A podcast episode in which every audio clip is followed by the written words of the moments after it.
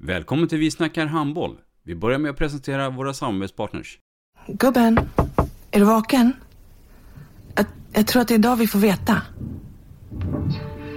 Jag kom in! Mamma, jag kom in! Mamma, jag kom in! Jag kom in! Ah! Vi finns där du är när livet förändras. För alltid välkommen till Länsförsäkringar. Nej men, ska du ha t-shirt på dig? Du, det är ingen vanlig t-shirt. Det är en nya bollar till klubben t-shirt. Och så matchar den grillkryddorna vi ska använda. Hur då? Men det är ju alla ska med på klassresan grillkryddor. Stötta barn och unga. Shoppa på newbodyfamily.com. Länge leve föreningslivet!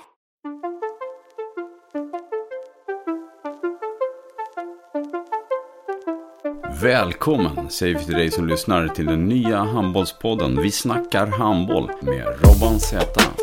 Vi snackar handboll, där du får veta alla sanningar som du inte visste att du missat. Vi snackar handboll. Idag i programmet Vi snackar handboll så har vi en gäst som är en så kallad försvarsgeneral och en för detta lagkapten i det svenska landslaget. Mycket, mycket varmt välkommen Sabina Jakobsen. Tusen tack. Sabina Jakobsen, född 24 mars 1989 i Lund. Vem är det? Ta oss är- från början. ja, ja, nej men en riktig handbollstjej som är uppvuxen i en handbollshall i princip. Har en mamma som har varit assisterande för Lugis herrar i många år. Eh, och var med på många träningar när jag var liten, många bortamatcher. Eh, och började spela handboll när jag var nio år helt enkelt. Och det var väl där allt började. Men eh, Jakobsen låter ju inte svenskt. Nej. Berätta lite grann historien där. Nej men mamma är dansk eh, och har eh, kom till Sverige väl när hon var 20. Och eh, nej, så är det egentligen. Och så har jag tagit det efternamnet. Ja. Har vi några syskon Eh, lillebror och eh, lillasyster. ja, som håller på med handboll eller? Eh, lillebror eh, slutade väl i 14-årsåldern, spelade också Lugi. Eh, lillasyster spelade i Staffanstorp och spelar lite fortfarande också. Eh, och började väl på grund av mig. Och du har ju då Lugi som moderklubb. Ja. Nu sitter vi och gör eh, inspelningen vid den fina arenan i Lund. Där hann du inte spela så många matcher. Nej, det var väl kanske de två, tre sista säsongerna. Men Annars har det varit den klassiska idrottshallen. Precis. Ja. Den, Och bollhuset kanske också. Ja, men mycket idrottshallen. Ja, ja. Eh, matcherna spelades där. Men eh, det var en magisk hall. Trägolv och när det var fullsatt och bra stämning och man kommer ihåg att många fick liksom inte sitt, sittplatser heller utan var tvungna att stå och det Mm. var fullpackat. Så har må- många bra minnen därifrån också. Jag håller faktiskt med dig Mm. till 100%. Du eh, Sabina som eh, elev då. Hur gick det med skolan? Nej men det gick bra. Ja. Eh, Jag var ändå helt okej i skolan. Inte, inte dålig och inte bland de bästa, men någonstans i mitten skulle jag nog Mm, säga. Jag skötte mig. Eh, Jag, jag har nog alltid haft höga krav på mig själv Ja. eh, och accepterade väl inte vad som helst så. Nej. Utan kämpade på. Men såklart också när man kom upp på gymnasiet, det var tufft de tre åren eftersom jag samtidigt kom upp i A-laget här i Lugi. Mm, Men jag kämpade på och var ändå nöjd med mina resultat när jag tog studenten. Eh, eh, när du eh, tog din år genom eh, gymnasiet, där, hade du någon inriktning på vad du ville göra efter skolan? Handbollsproffs. Det hade jag nog redan bestämt där. Ja. Eh, och eh, tankarna och planerna gick väl mot Danmark eftersom man såg mycket handboll här i Skåne på de danska kanalerna. Och det var väl det som inspirerade mig. Och, ja, att jag skulle kunna spela handboll, ha det som jobb och kunna inte göra någonting annat. Nej, nej. Det var ju drömmen. Men fanns det någon eh, kryphål att eh, tänka sig bli något annat? Alltså bli flygvärdinna eller målare eller? Ja. Just då så hade jag nog inte riktigt det. Men jag har alltid varit intresserad av finans, ekonomi, investeringar. Så det fanns nog lite i bakhuvudet hela tiden. Och det är något som har följt med mig hela tiden också. Lugi, berätta den tiden för oss. Det började som en liten eh, nioåring sa du. Ja. Och sen så har, har du vuxit på. Du tillhör en årgång som är född 89. Ta oss igenom den här resan med de åren. Men jag, var, jag var nog duktig redan som ung och talang. Eh, jag spelade med 88 och 87 rätt tidigt. Spelade med 89 också. Så mycket matchande hela tiden. Eh, reste mycket på olika kupper, eh, SM. Eh, och vi var en bra årgång, både 89 och 88 och 87 och gick väldigt långt. Var alltid i steg fem som det hette då. Ehm, så att, nej, det gick bra. Som sagt, spelade på ungdomslandslag, J-landslag, ungdomslandslag. ehm, och eh, så småningom debuterade då i A-laget här i Lugi när jag var 16. När vi, då spelade vi i division 1.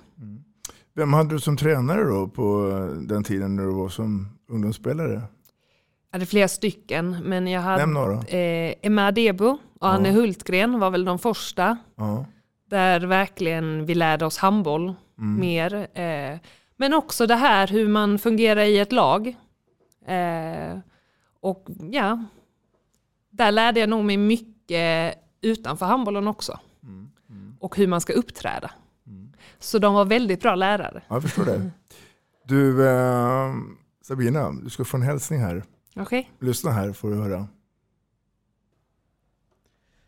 Hej Sabina, det är din gamla tränare Emma Debo här.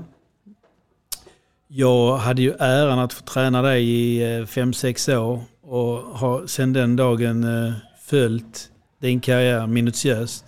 Jag är otroligt stolt över dig och minns med glada minnen den tiden vi hade med Flickor 89 när Anne Hultgren och Marie Björklund och jag tränade er eh, duktiga tjejer i en fin årskull som vi hade i Lugi.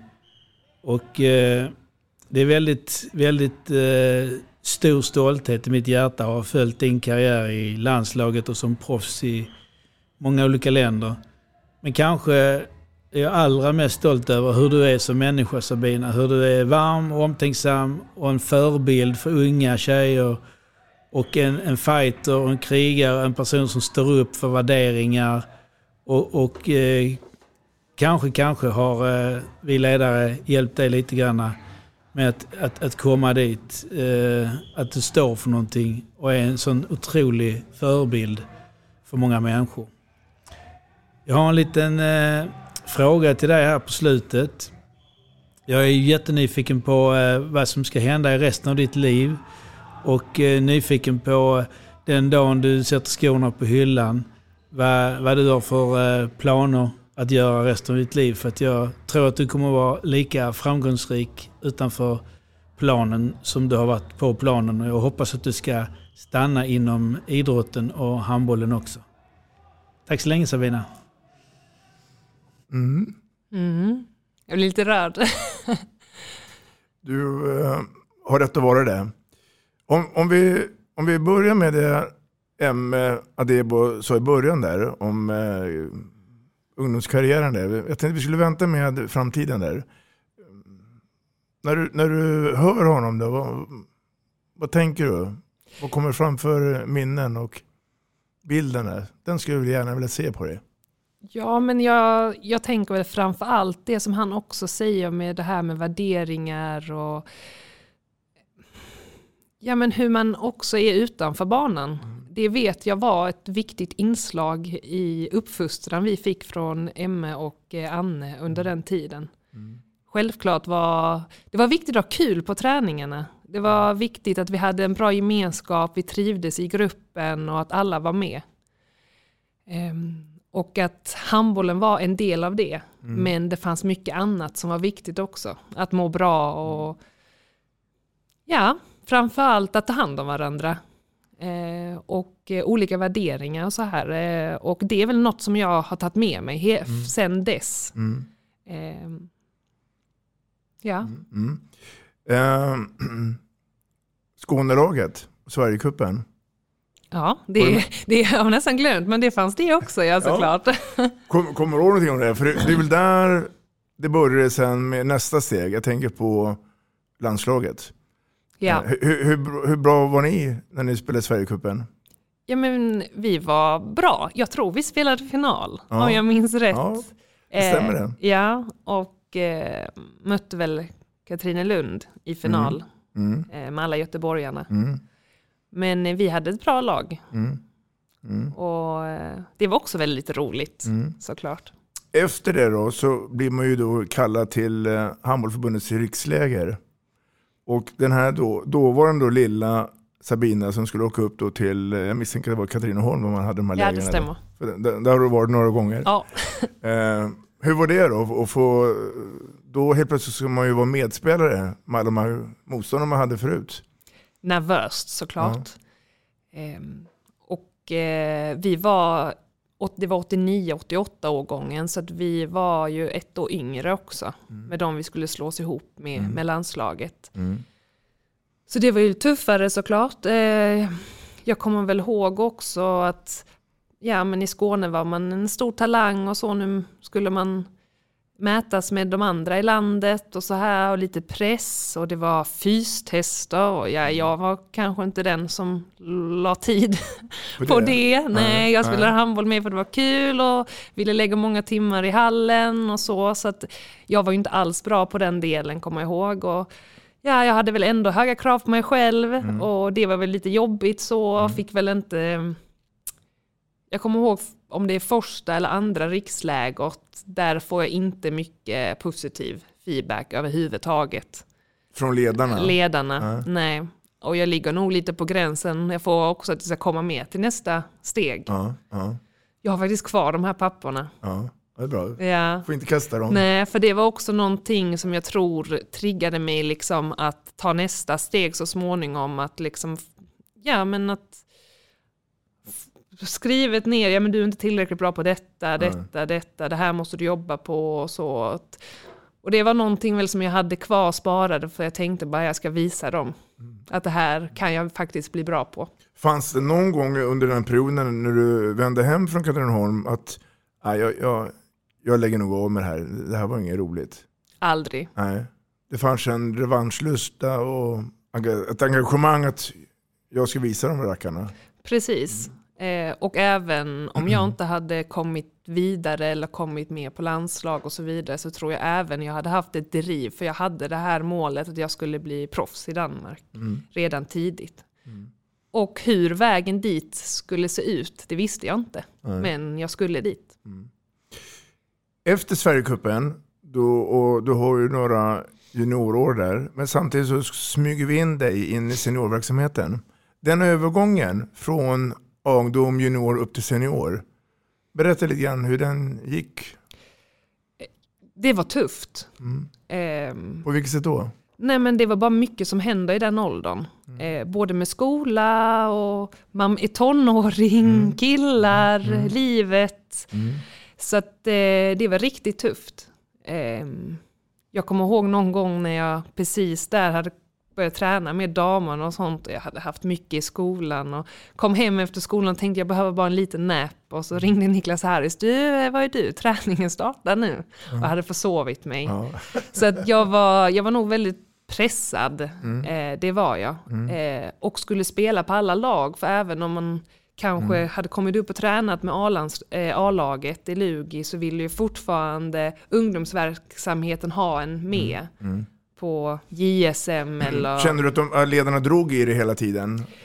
Det gjorde jag samtidigt, jag tyckte ju det var kul. Ja. Så jag ska ju inte säga så, jag ville vara överallt Mm, och spela och så här. Men det var väl en period jag var tvungen att bara, nej, nu går det inte. Jag kan inte Nej. spela här också, jag måste ju också träna. Jag kan inte bara spela matcher. Och skola, huvudet, resor överallt. Och nu när jag tänker tillbaka på det så ibland förstår jag inte hur orkade jag. Och så Och- tror jag också det var så här med lite, du vet också, det blir press utifrån. Folk tar för givet att man ska vara med överallt. Och det var svårt i den åldern att ha folk som dömer en. så ju- just, och på den tiden fanns ju inte Instagram, Facebook Nej. och så på det sättet. Eh, men samtidigt, jag kommer ihåg att jag tyckte det var jobbigt att folk tyckte och tänkte mycket om en. Och jag ville att alla skulle tycka om mig. Eh, och det var svårt att dela på sig. Om, om du skulle råda då, dagens ungdomar som är, är den perioden i livet just nu, som, som, du var, som du berättade nyss, vad, vad skulle du ge dem för råd här då? För att jag tror ju att det är så att eh, jakten och hetsen, att det ska hända mycket här och nu, men man ser ju inte lite grann längre fram. Ehm, om, om, du skulle ge dem några råd här nu då, till alla dagens ungdomar, oavsett det är killar eller tjejer. Ja men ha inte bråttom. Nej. Man behöver inte vara bäst när man är ung. Eh, det är mycket bättre att bli bättre senare. Mm. Det sliter väldigt mycket att vara bra vid ung ålder också. Och egentligen slitas från lag och spela mycket. Man vill hellre ha en lång handbollskarriär. Sen tror jag det är viktigt också att det är ledare omkring en och föräldrar eh, som tar hand om en. Och sätter, det är faktiskt ibland de som ska sätta gränserna och bestämma och säga nej, den här helgen spelar du inte eller du ska inte åka dit. Det är, vi tar det beslutet. För det är svårt i den åldern att ta beslut själv. Man vill vara alla tillfreds. Och man vill spela såklart, det är kul att spela handboll. Eh, Så det är viktigt att man har ledare, föräldrar, vuxna runt sig som faktiskt inte tänker på sitt bästa många gånger eller laget utan tänker på individen. Känner du att mamma Alice har varit en mamma som vilken mamma som helst? Eller känner du ibland att det ibland har varit tufft och hon har tyckt mycket i den här biten? Eller, eller eh, är det en fördel eller nackdel att ha en mamma som också så mycket i, i, i den nära fritidssysselsättningen? Både och. Eh, självklart har mamma varit bara mamma också. Eh, och varit också väldigt stöttande och så på matcher. Men jag kommer också ihåg när jag var yngre och hon var på matcher. Det är klart hon, hon krävde och ville väl se lite mer eh, när man var yngre och förstod inte varför man kanske inte gjorde vissa saker när man hade dåliga matcher och så här. Och jag var nog också dålig på att ta kritik när jag var yngre. Och, eh, och där kunde hon ibland vara lite hård så. Men det gick ju över ofta. Här danska Men hon var inte någon mjukis. Nej, nej, det är rätt. Ehm, det blev då 2005 till 2012 i Lugi. 2012, då misstänker jag då är det en liten dröm som går uppfyllelse. För då är vi över sundet och Danmark.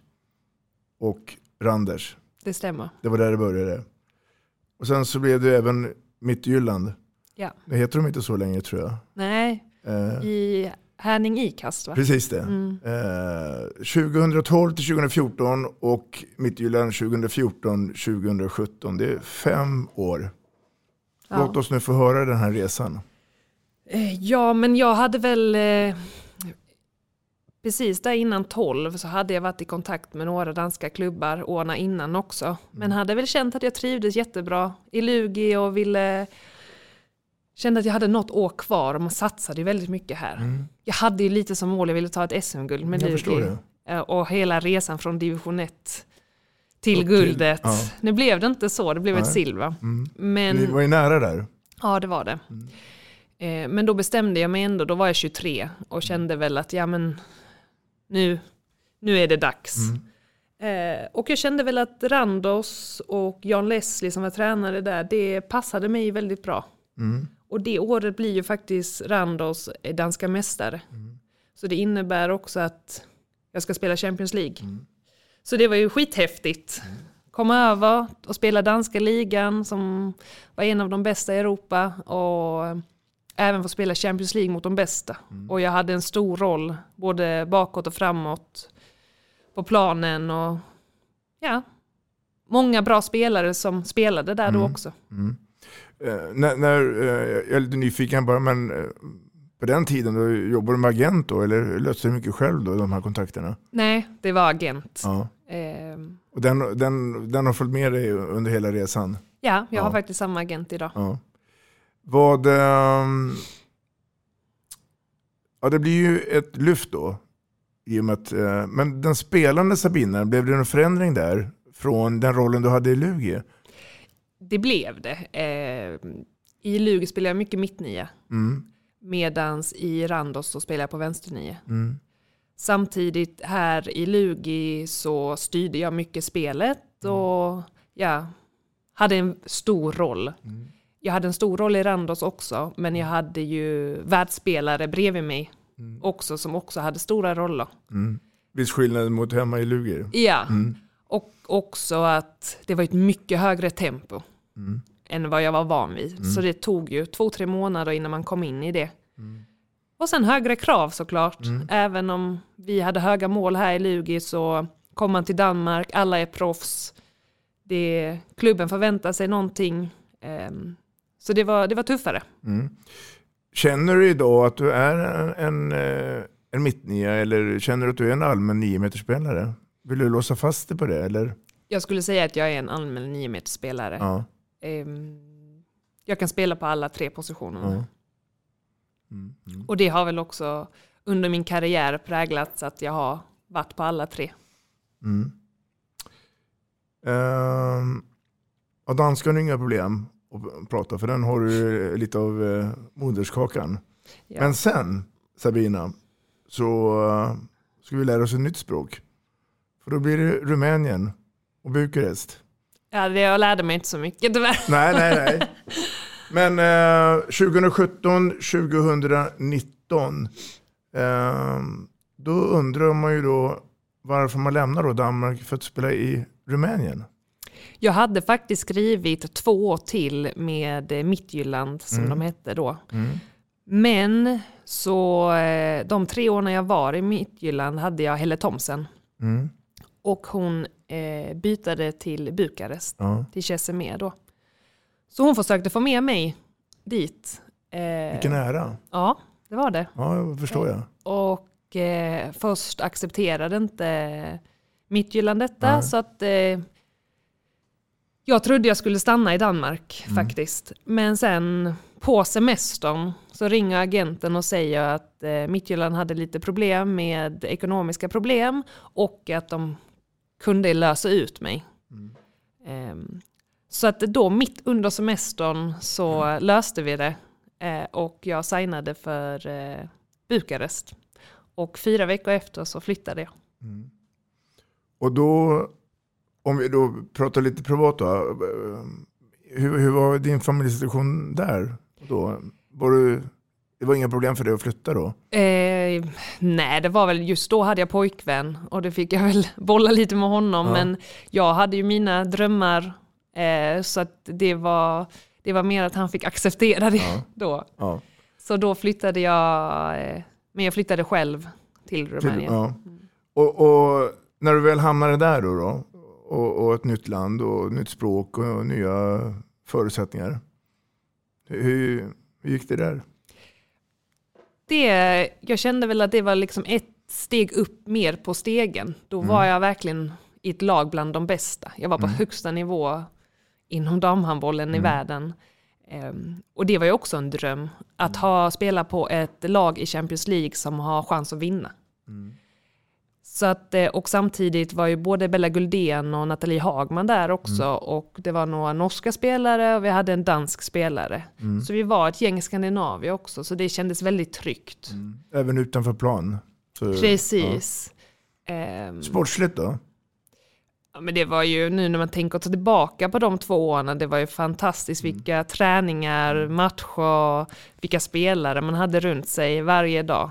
Ehm, det var ibland tuffare på träningarna än det var på matcherna, helt enkelt. Ehm, Men något helt annat också, man kom ut i Europa, eh, handbollen är inte samma i öst som den är här hemma i Skandinavien, mycket tryggare här hemma i Skandinavien. Där handlar det bara om att vinna. Mm. Det finns ingenting annat. Ehm, Ja, man lever under den pressen varje dag i princip. Allt kan gå väldigt snabbt med tränare. De inte får stanna, blir, får sparken. Det har blivit så. Det har blivit en hel del. Ja, det har det. Även eh, Helle drabbades också av det tror jag. Ja, Ja. Eh, Helle var väl, hon var väl den av de tränarna i Bukarest när jag var där som var där längst. Men Ja. annars hade jag fyra stycken under två år. Vilket tufft klimat. Ja men det är det. Ehm, när man kommer härifrån så man är uppvuxen i Sverige och man har kanske en mer i klubbarna strategi att man vill bygga upp någonting under lång sikt. Eh, och det tycker jag ju kanske är det sättet man ska göra det på också. Medans i öst, östra Europa så är det mer att det är bara resultat och vinner man inte då, då kan man åka hem nästa dag. Mm. Mm. Hårda bud. Ja det är det. Ja. Du, um, det här proffsäventyret ute i Europa, det vill inte sluta. Nej, jag fick mer smak. Ja, jag förstår det. Mm. Uh, då hamnar vi ju i ett läge där du uh, blir den första handbollstjejen för att spela i den ryska ligan. CSKA Moskva. Ja. Då är vi lite nyfikna. Hur, hur kan det vara så att den här Lundatösen helt plötsligt hamnar i Ryssland? Ja men det var så att Jan Leslie då, mm. den tränaren som jag hade i Randos som har tagit mig dit, han, eh, han skulle till CSKA, ja. Moskva. Så han ringde mig och sa när jag var i Bukarest där efter jul och bara jag ska hit, det här är ett projekt, de startar nu, de kommer satsa, de vill spela Champions League, de vill vinna Champions League, det, de kommer ta hit de bästa ryska spelarna, det kommer byggas på tre år.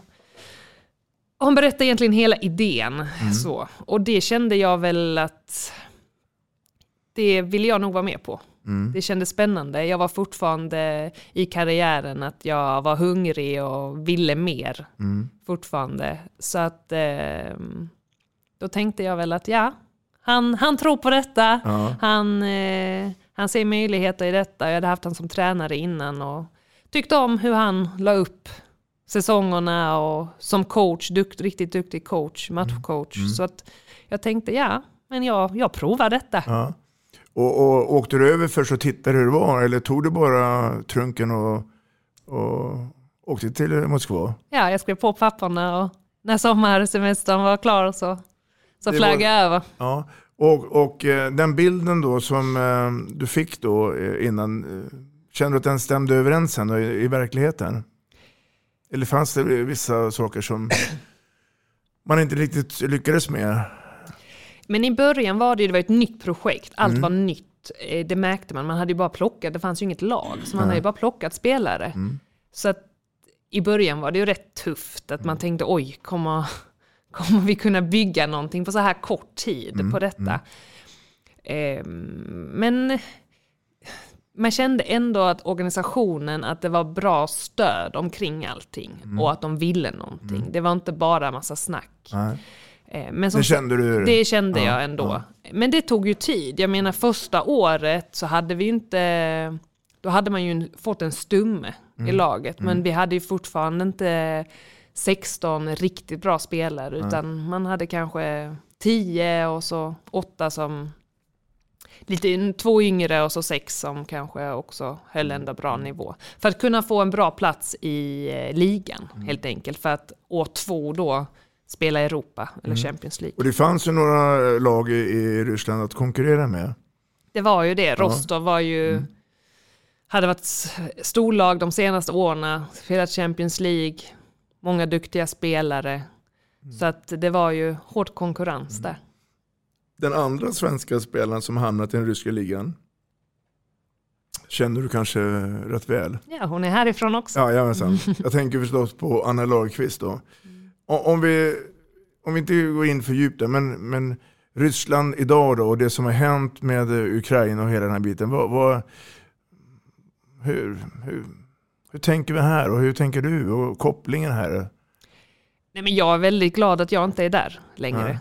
Eh, även om jag hoppade på detta tåget och var där. Och första året så kom ju coronan mm. och förstörde lite den säsongen. Eh, andra säsongen var riktigt tuff eh, på alla sätt och vis eftersom då skulle det presteras och vi hade ett riktigt bra lag. Mm. Så. Mm. Eh, och man märker ju, alltså det är en annan kultur i Ryssland. Mm. Eh, och jag kan ju säga att andra år, jag trivdes inte där. Jag efter jul räknade ner dagarna liksom. Mm. Bara för att jag ville därifrån. Mm. Du, min upplevelse av, jag trivdes i stan, Moskva, Mm. men jag trivdes inte på sättet hur Sociala. vi hade, nej. Eh, du, jag kände väl att man, du var en produkt. Eh, det var inte så mycket, vi behöver, Sabina är här, hon är i ett land långt hemifrån. Vi behöver också hjälpa henne, vi behöver ta hand om henne, att hon mår bra. Det fanns ingen tanke på det överhuvudtaget. Eh, mycket handlar ju om pengar såklart. Eh, och de försökte väl också hitta kryphål för att kunna dra av i lön och så. Så man kände ju sig, man var hela tiden på spänn. Att de skulle hitta saker i kontrakt eller när man bröt mot någonting som de skulle kunna straffa en med och så. Eh, så för mig var det bara, när väl jag kunde åka hem förra sommaren var det bara en lättnad att det äventyret var över. Nu kan jag se tillbaka på det, att jag, att jag har upplevt det, jag har lärt mig otroligt mycket om mig själv också. Men jag skulle aldrig vilja vara där igen. Så när allt hände nu så var jag otroligt tacksam för att det var att jag har försvunnit därifrån. Och sen är det ju väldigt tragiskt det som händer eh, såklart. Ehm, att det ens får hända Nej. kan man ju tycka. Har du kvar några av de här eh, spelarkontakterna med Moskva idag? Det har jag. Det kanske är mer via sociala medier, Facebook och, och Ja, Något det samtal kanske här precis. där. Ja. det skulle jag skulle säga framförallt sociala medier. ja. Eh, det är några av tjejerna som jag kom nära Mm. i laget Mm. som jag fortfarande har kontakt med. Du, eh, när jag tänker och hör dig så skulle jag ju... Vi pratade om det här med yrkesvalet där vid gymnasiet. Det kanske är så att du ska satsa på att bli agent. Nej, jag vet inte om det är något riktigt för mig. Jag har jobbat lite också i den agentfirman som jag har. Ja. Eh, och hjälpt dem lite, speciellt med unga spelare, att bara lite vara en mentor. Eh, för att det är, det är viktigt i den åldern också att få hjälp att inte bara gå till ett lag kanske som är bland de bästa fyra om man inte kanske får speltid till exempel. Det kanske kan vara bra för utvecklingen i vissa fall men ibland är det bättre kanske att gå till något annat lag där man kan utvecklas istället. Eh, att inte bara för att man är talang gå till ett lag där man kanske får lite mer pengar till exempel. Det är inte viktigt när man är ung. Ja. Det är något jag tycker man ska bygga på. Du kan tjäna pengar senare. Apropå det du sa också, inte stressa. Precis, det ja. finns ingen anledning till det. Apropå ingenting Sabina, så vet jag också din historia. Du har ju också haft en del otur med skador och det. Mm. Hur mår kroppen idag? Kroppen i sig mår väldigt bra. Mm. Jag känner mig eh, jag känner mig bra tränad och ja, men fysiskt är jag bra. Förutom mitt högra knä. Mitt högra knä har sen jag drog korsbandet när jag var 24 följt med mig under karriären egentligen och haft problem. Eh, jag skulle väl nu i efterhand så mm, när jag fick den skadan skulle jag tagit hand om den mycket mer och inte pressat på så mycket som jag gjorde då med spel, både i klubblag, landslag och det fick inte det fick inte den perioden som jag hade behövt med vila kanske. Man vill ju komma tillbaka, man vill spela snabbt, så är det. Och istället, Aj, aj, aj, sen bara rullade på. Och det har det gjort egentligen varje år med för lite pauser. Helt enkelt, för lite vila. Belastningen blir uppenbarligen för hög. Ja. Eh, om, jag tänkte vi skulle då bara runda av när det gäller den spelande karriären då. Eh, våren då 2021 då lämnar du eh, CSKA Moskva. Fanns det några tankar då? då? Jag misstänker det, att, att eh, jag ville fortsätta spela då, då. Och vad och hur gick tankarna? Kunde du hamnat i Sverige, Danmark eller någon annat ställe? Nu, nu vet vi ju svaret, men jag, jag tänkte vi skulle hålla lite hemligt här. Ja, men där var jag rätt trött på handbollen. Mm. Eftersom jag hade haft det året i Moskva. Jag hade väl också när jag skrev på för Moskva att de två åren, att det blir de här två åren på hög nivå. Mm. Det blir mina sista. Sen, sen ska jag börja trappa ner. Mm. Så var känslan. Och jag kände väl också att när jag var i Moskva där nu, jag vill, jag vill till värmen. Jag ska spela på lite lägre nivå, jag vill inte så mycket, kanske något Europa, men inte Champions League längre. Eh, hade väl tankar mycket på Frankrike. Mm. Eh, Till bättre klimat och mer livet Mm. utanför än bara handbollen. Att på något sätt kombinera det. Men ändå på en hög nivå. Eh, för du skulle ju ändå kunna, du skulle kunna eh, lika väl hamna i Staffanstorp och, och spela division 3-handboll. Ja, det var inte aktuellt. Nej, nej. Eh, och det, jag hade väl fortfarande inte riktigt tankar på att komma hem till Lugi heller. Nej. Där. Jag kände att jag ville något, något annat. Men det var lite mer åt eh, värmen jag var intresserad av. Men så blev Mm. Ha- det Hade ju du sådana inte. frågor då? Vad luger på dig? Eh, Hade ni... ja, men vi har väl alltid, jag har väl alltid haft en dialog med Lugi att skulle det vara så att jag vill komma hem så att vi ska ha kontakt. Ja, precis. Ehm, men eh, ja, det blev ju inte riktigt så Nej. som tankarna Nej. vad jag hade planerat. Det blev eh, Rumänien. Precis. Eh, var hamnade vi då någonstans då? Braela. Mm. Det var så här att eh, Amanda Kurtovic, den norska landslagsspelaren, Mm. vi är goda vänner sen hon spelade i Bukarest med mig också. Mm. Eh, hon ringde och sa Sabbe, du ska vi inte åka till Braela istället?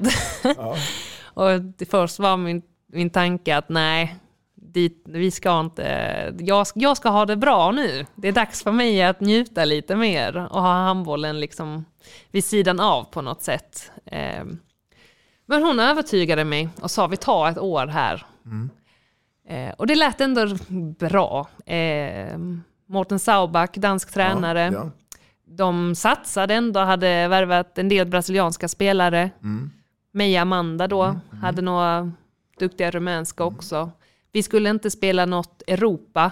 Nej. Och det kändes rätt skönt för mig, för jag kände att då blir det bara ligaspel.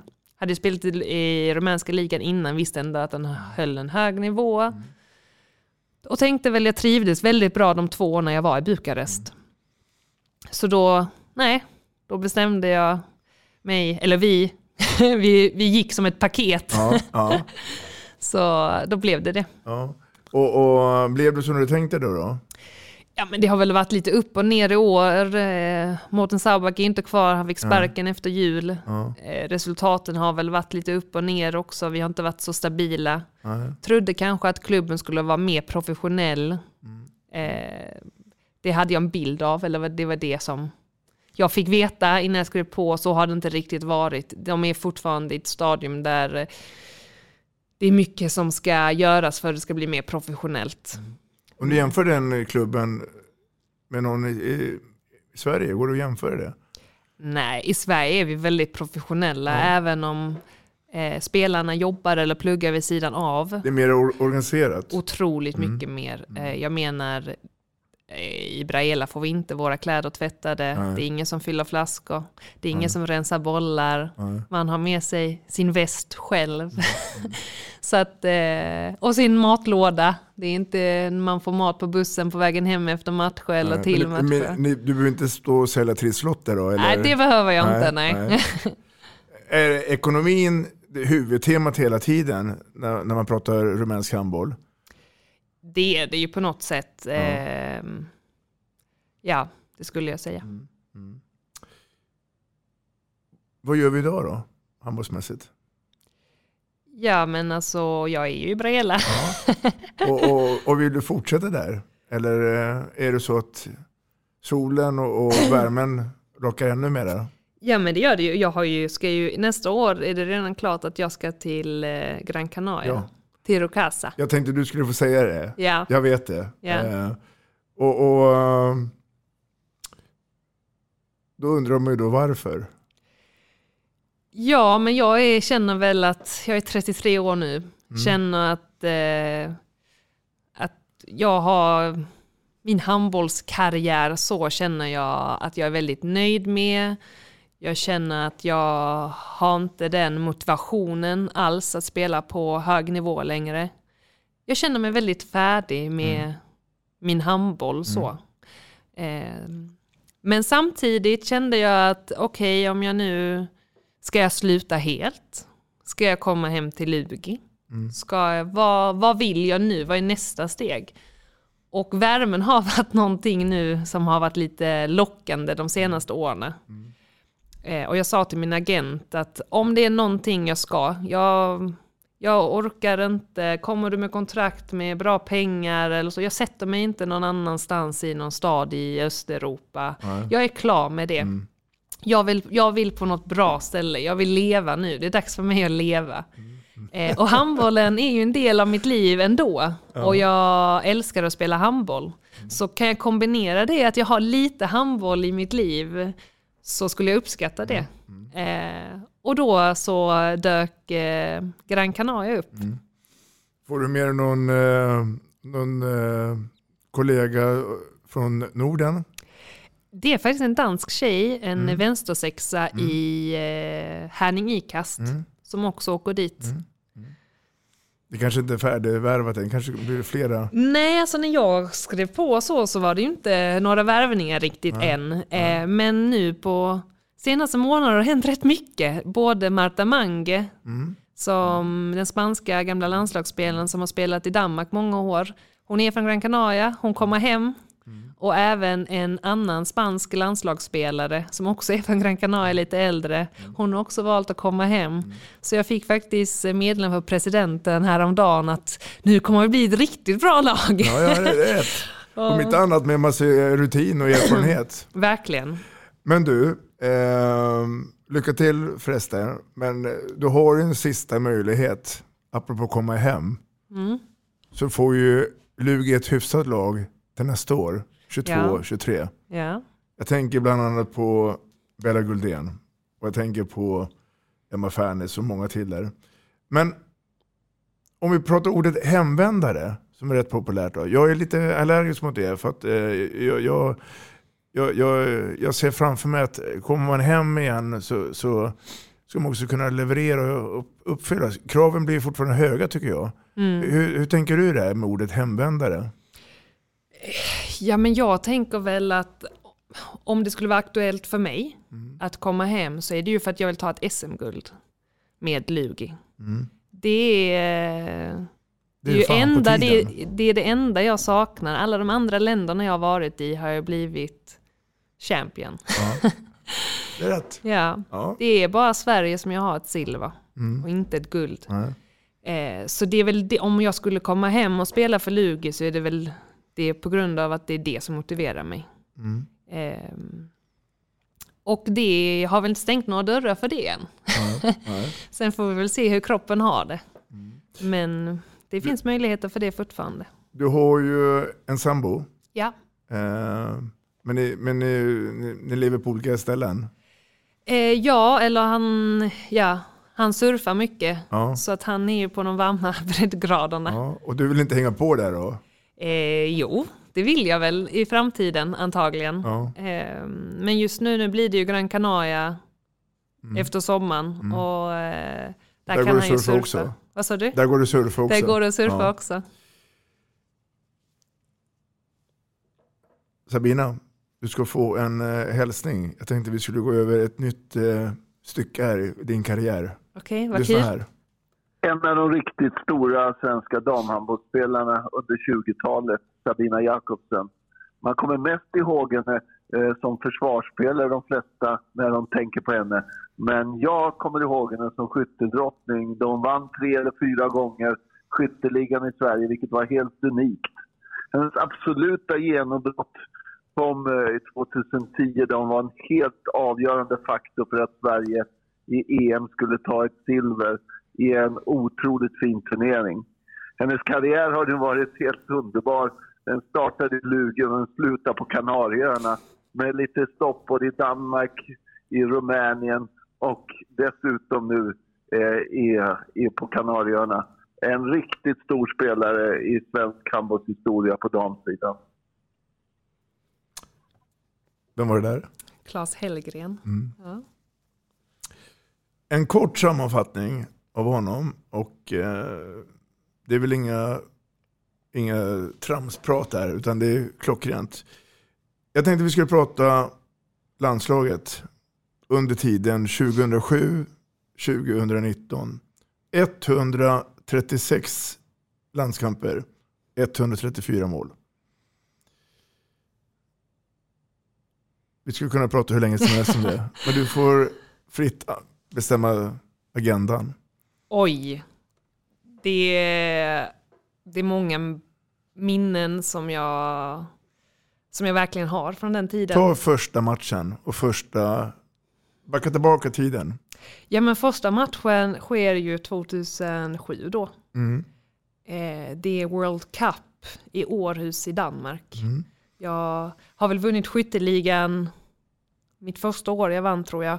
Och bli, har, väl, har väl visat mig i svenska elitserien då. Eh, och de fick upp ögonen för mig och blev uttagen som en ung spelare helt enkelt. Egentligen mer för att vara med och träna den veckan och lära. Jag kommer ihåg att vi tränade handboll typ två gånger om dagen och jag var ju helt slut. Jag låg och sov mitt på dagarna för att jag, jag, var inte, jag var inte redo, min kropp var inte redo för det fysiskt överhuvudtaget. Eh, jag var inte så bra fysisk form på den tiden. Mm. Men jag kommer ihåg att man sitter på bänken, på den tiden hade vi ju för stora shorts och för stor matchtröja. och eh, sista matchen mot Norge kommer jag ihåg att då kom jag in de sista fem minuterna Mm. och får spela. Otroligt nervöst såklart.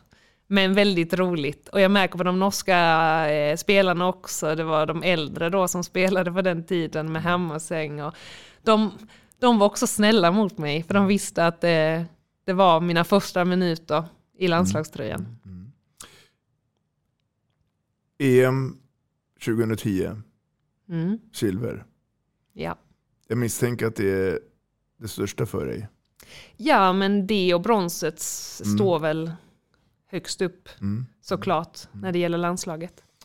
Om vi, om vi, om vi tar det här 2010 då. Det är Mm. Per Johansson som är boss. Yes. Ihop med Magnus Bagan Johansson. Ja. Eh, berätta lite grann om, om de här, de, det mästerskapet där då. För ni är ju väldigt nära och ni gör ju ett fantastiskt mästerskap. Ja men det gör vi ju verkligen. Eh, damlandslaget hade vi aldrig varit på den nivån riktigt innan och varit där uppe och nosat eh, och haft medaljchans. Så att man hade inte så höga förväntningar Ja. innan mästerskapet började. Men vi var en bra grupp och vi tränade och slet mycket. Mm. Alla ville liksom verkligen la in allt man hade för att vi som lag skulle kunna prestera. Eh, och det skulle jag nog säga, många andra lag kanske hade riktigt stora stjärnor och så medan vi istället var laget. Eh, och vann matcher på grund av att vi spelade bra tillsammans. Mm. Ni vinner ju mot Norge i gruppspelet. Precis. Eh, med din gamla kompis tror jag, Amanda. Ja, hon var nog med där då. Ja. Kurtovic där. Eh, när det sen hamnar då i, det här läget och får spela den här finalen. Ja, men jag tror man, vi var i Härning då i boxen och hade Mm. precis två dagar innan spelat semifinal mot eh, Rumänien och vunnit den. Och det var ju kanske en av de största matcherna jag också upplevt. Eh, med fullsatt arena och ja, att vi faktiskt var i final. Mm. Eh, och det kändes lite som att vi har inget att förlora där och då. Eh, det var ju typ det största som alla i laget skulle få uppleva och hade upplevt i princip. Så att ehm, ja, vi gick väl bara in att det går, men det kommer att bli, det kommer att bli svårt också. Mm. Efter då 2010 så hamnar vi sen i ett eh, läge vi spelar OS. 2010 i London. 12 ja. Ja, Mm. eh, 10 var du skadad vad jag förstår. Eh, ja men under mästerskapet Ja, där eh, fick förlåt, jag. precis, det är rätt. Det är rätt. Men 12, jag var också skadad. Ja. 12. Dessutom är du ju också då lagkapten. Ja det blev efter där Ja, på precis. hösten, precis. Och då kommer vi in på den här ledarrollen och gestalten. då. Och som många säger, försvarsgeneralen. Ja. Tycker du i dagens handboll att det är okej att vara envägsspelare? Eller tycker du att man ska vara en tvåvägsspelare i de här sammanhangen? Då? det är väl självklart, handbollen går snabbare och snabbare. Mm. Eh, och eh, ja, man ska vara, jag tycker sen tidig ålder att man ska inte bara spela försvar eller anfall. Man ska kunna spela åt eh, båda hållen. Mm. Ehm, det tror jag är väldigt viktigt. För också att hur man ska strategiskt bygga upp och taktiskt liksom inför matcher och så vidare. Eh, det blir lättare om man kan spela åt bägge hållen. Mm. Ehm, nu var jag väl i, där var jag väl i en situation att konkurrensen framåt var väldigt hård. Mm. Jag spelade ju fortfarande både framåt och bakåt. Men mina egenskaper bakåt var väldigt höga. Eh, och det behövdes just då Mm, på mm. laget det. Mm. Det kunde ju varit att det var tvärtom också. Eftersom jag spelade framåt i Randos det året också. Mm.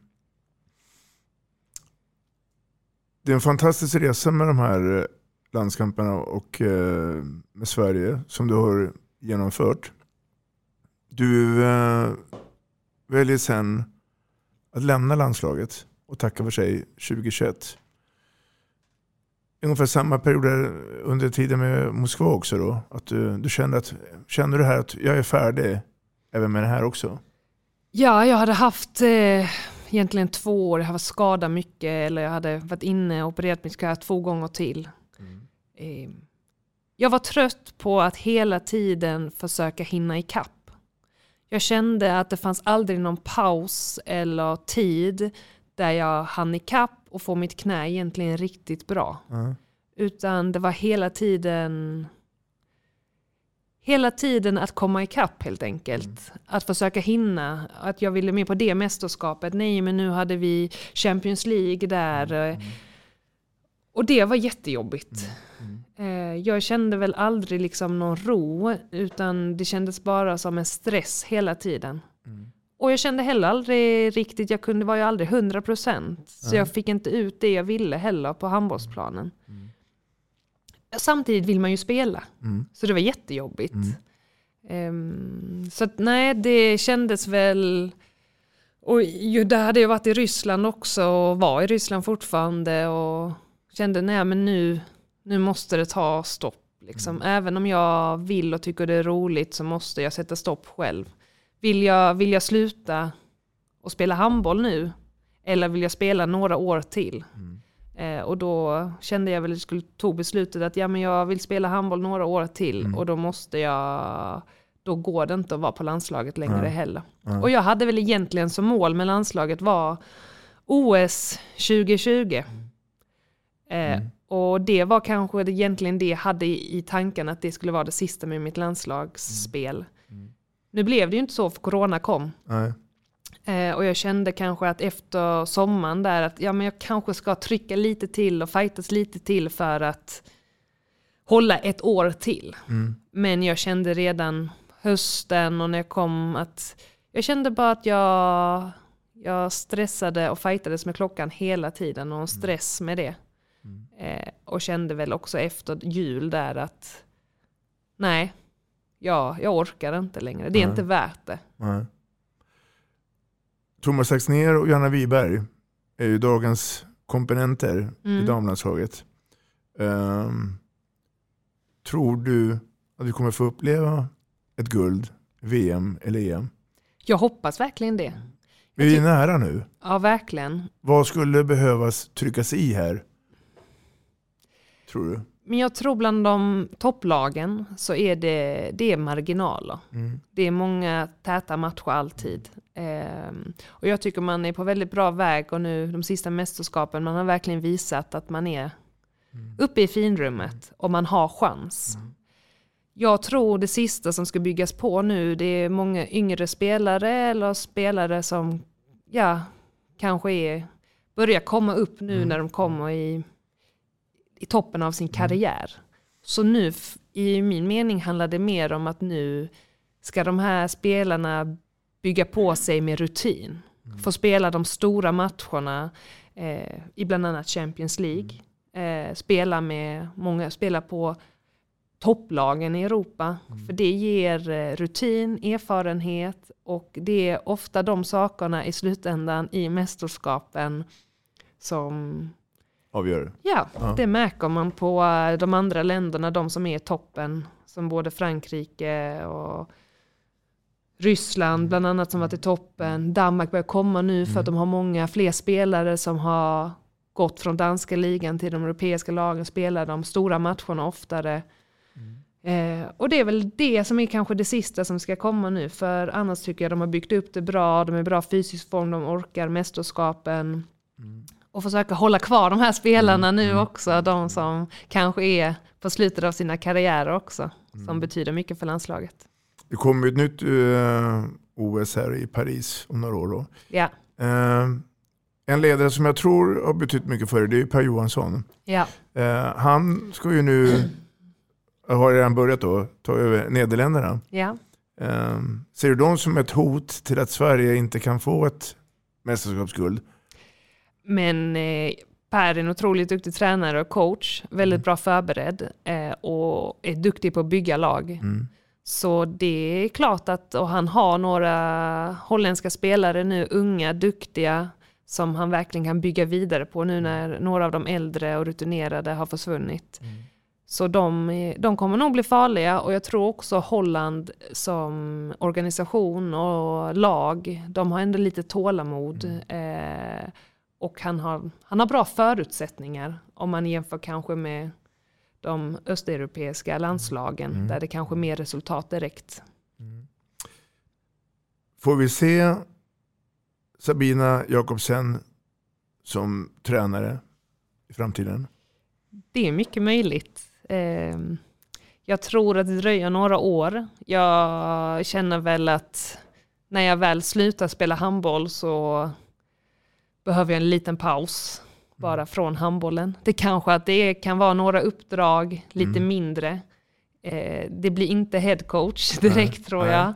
Men eh, absolut, eh, det kan jag tänka mig. Man, man har haft många tränare under åren, bra och dåliga.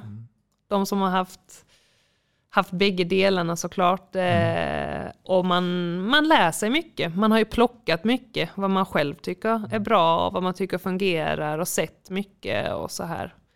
Så att eh, jag har nog fått ett stort smörgåsbord av saker jag kan välja mellan. Eh, Vi ska avsluta där vi började. Du har i alla fall en bra förebild och det är mamma Alice. ja. Kan hon så kan ju du vara ledare. Sabina, tiden har kommit ikapp oss.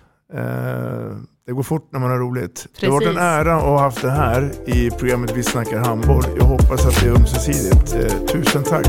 Tack själv. Det har varit roligt att vara här. Vi snackar handboll, där du får veta alla sanningar som du inte visste att du missat. Vi snackar handboll. Vi snackar handboll produceras av produktionsbolaget High On Experience, från vision till passion. Ett avslutande tack till våra samarbetspartners. Hallå! Kommer ni eller? Ja, ja. Har du sett mina ankelsockar? De här? Nej, nej, jag menar skridskoslip till juniorlaget Ankelsockarna. Ja, men kolla bredvid träningsläger med handbollstjejerna-t-shirtarna. Stötta barn och unga. Shoppa på newbodyfamily.com. Gubben, är du vaken? Jag, jag tror att det är idag vi får veta. Jag kom in! Mamma, jag kom in! Mamma, jag kom in! Jag kom in! Ah! Vi finns där du är när livet förändras. För alltid välkommen till Länsförsäkringar.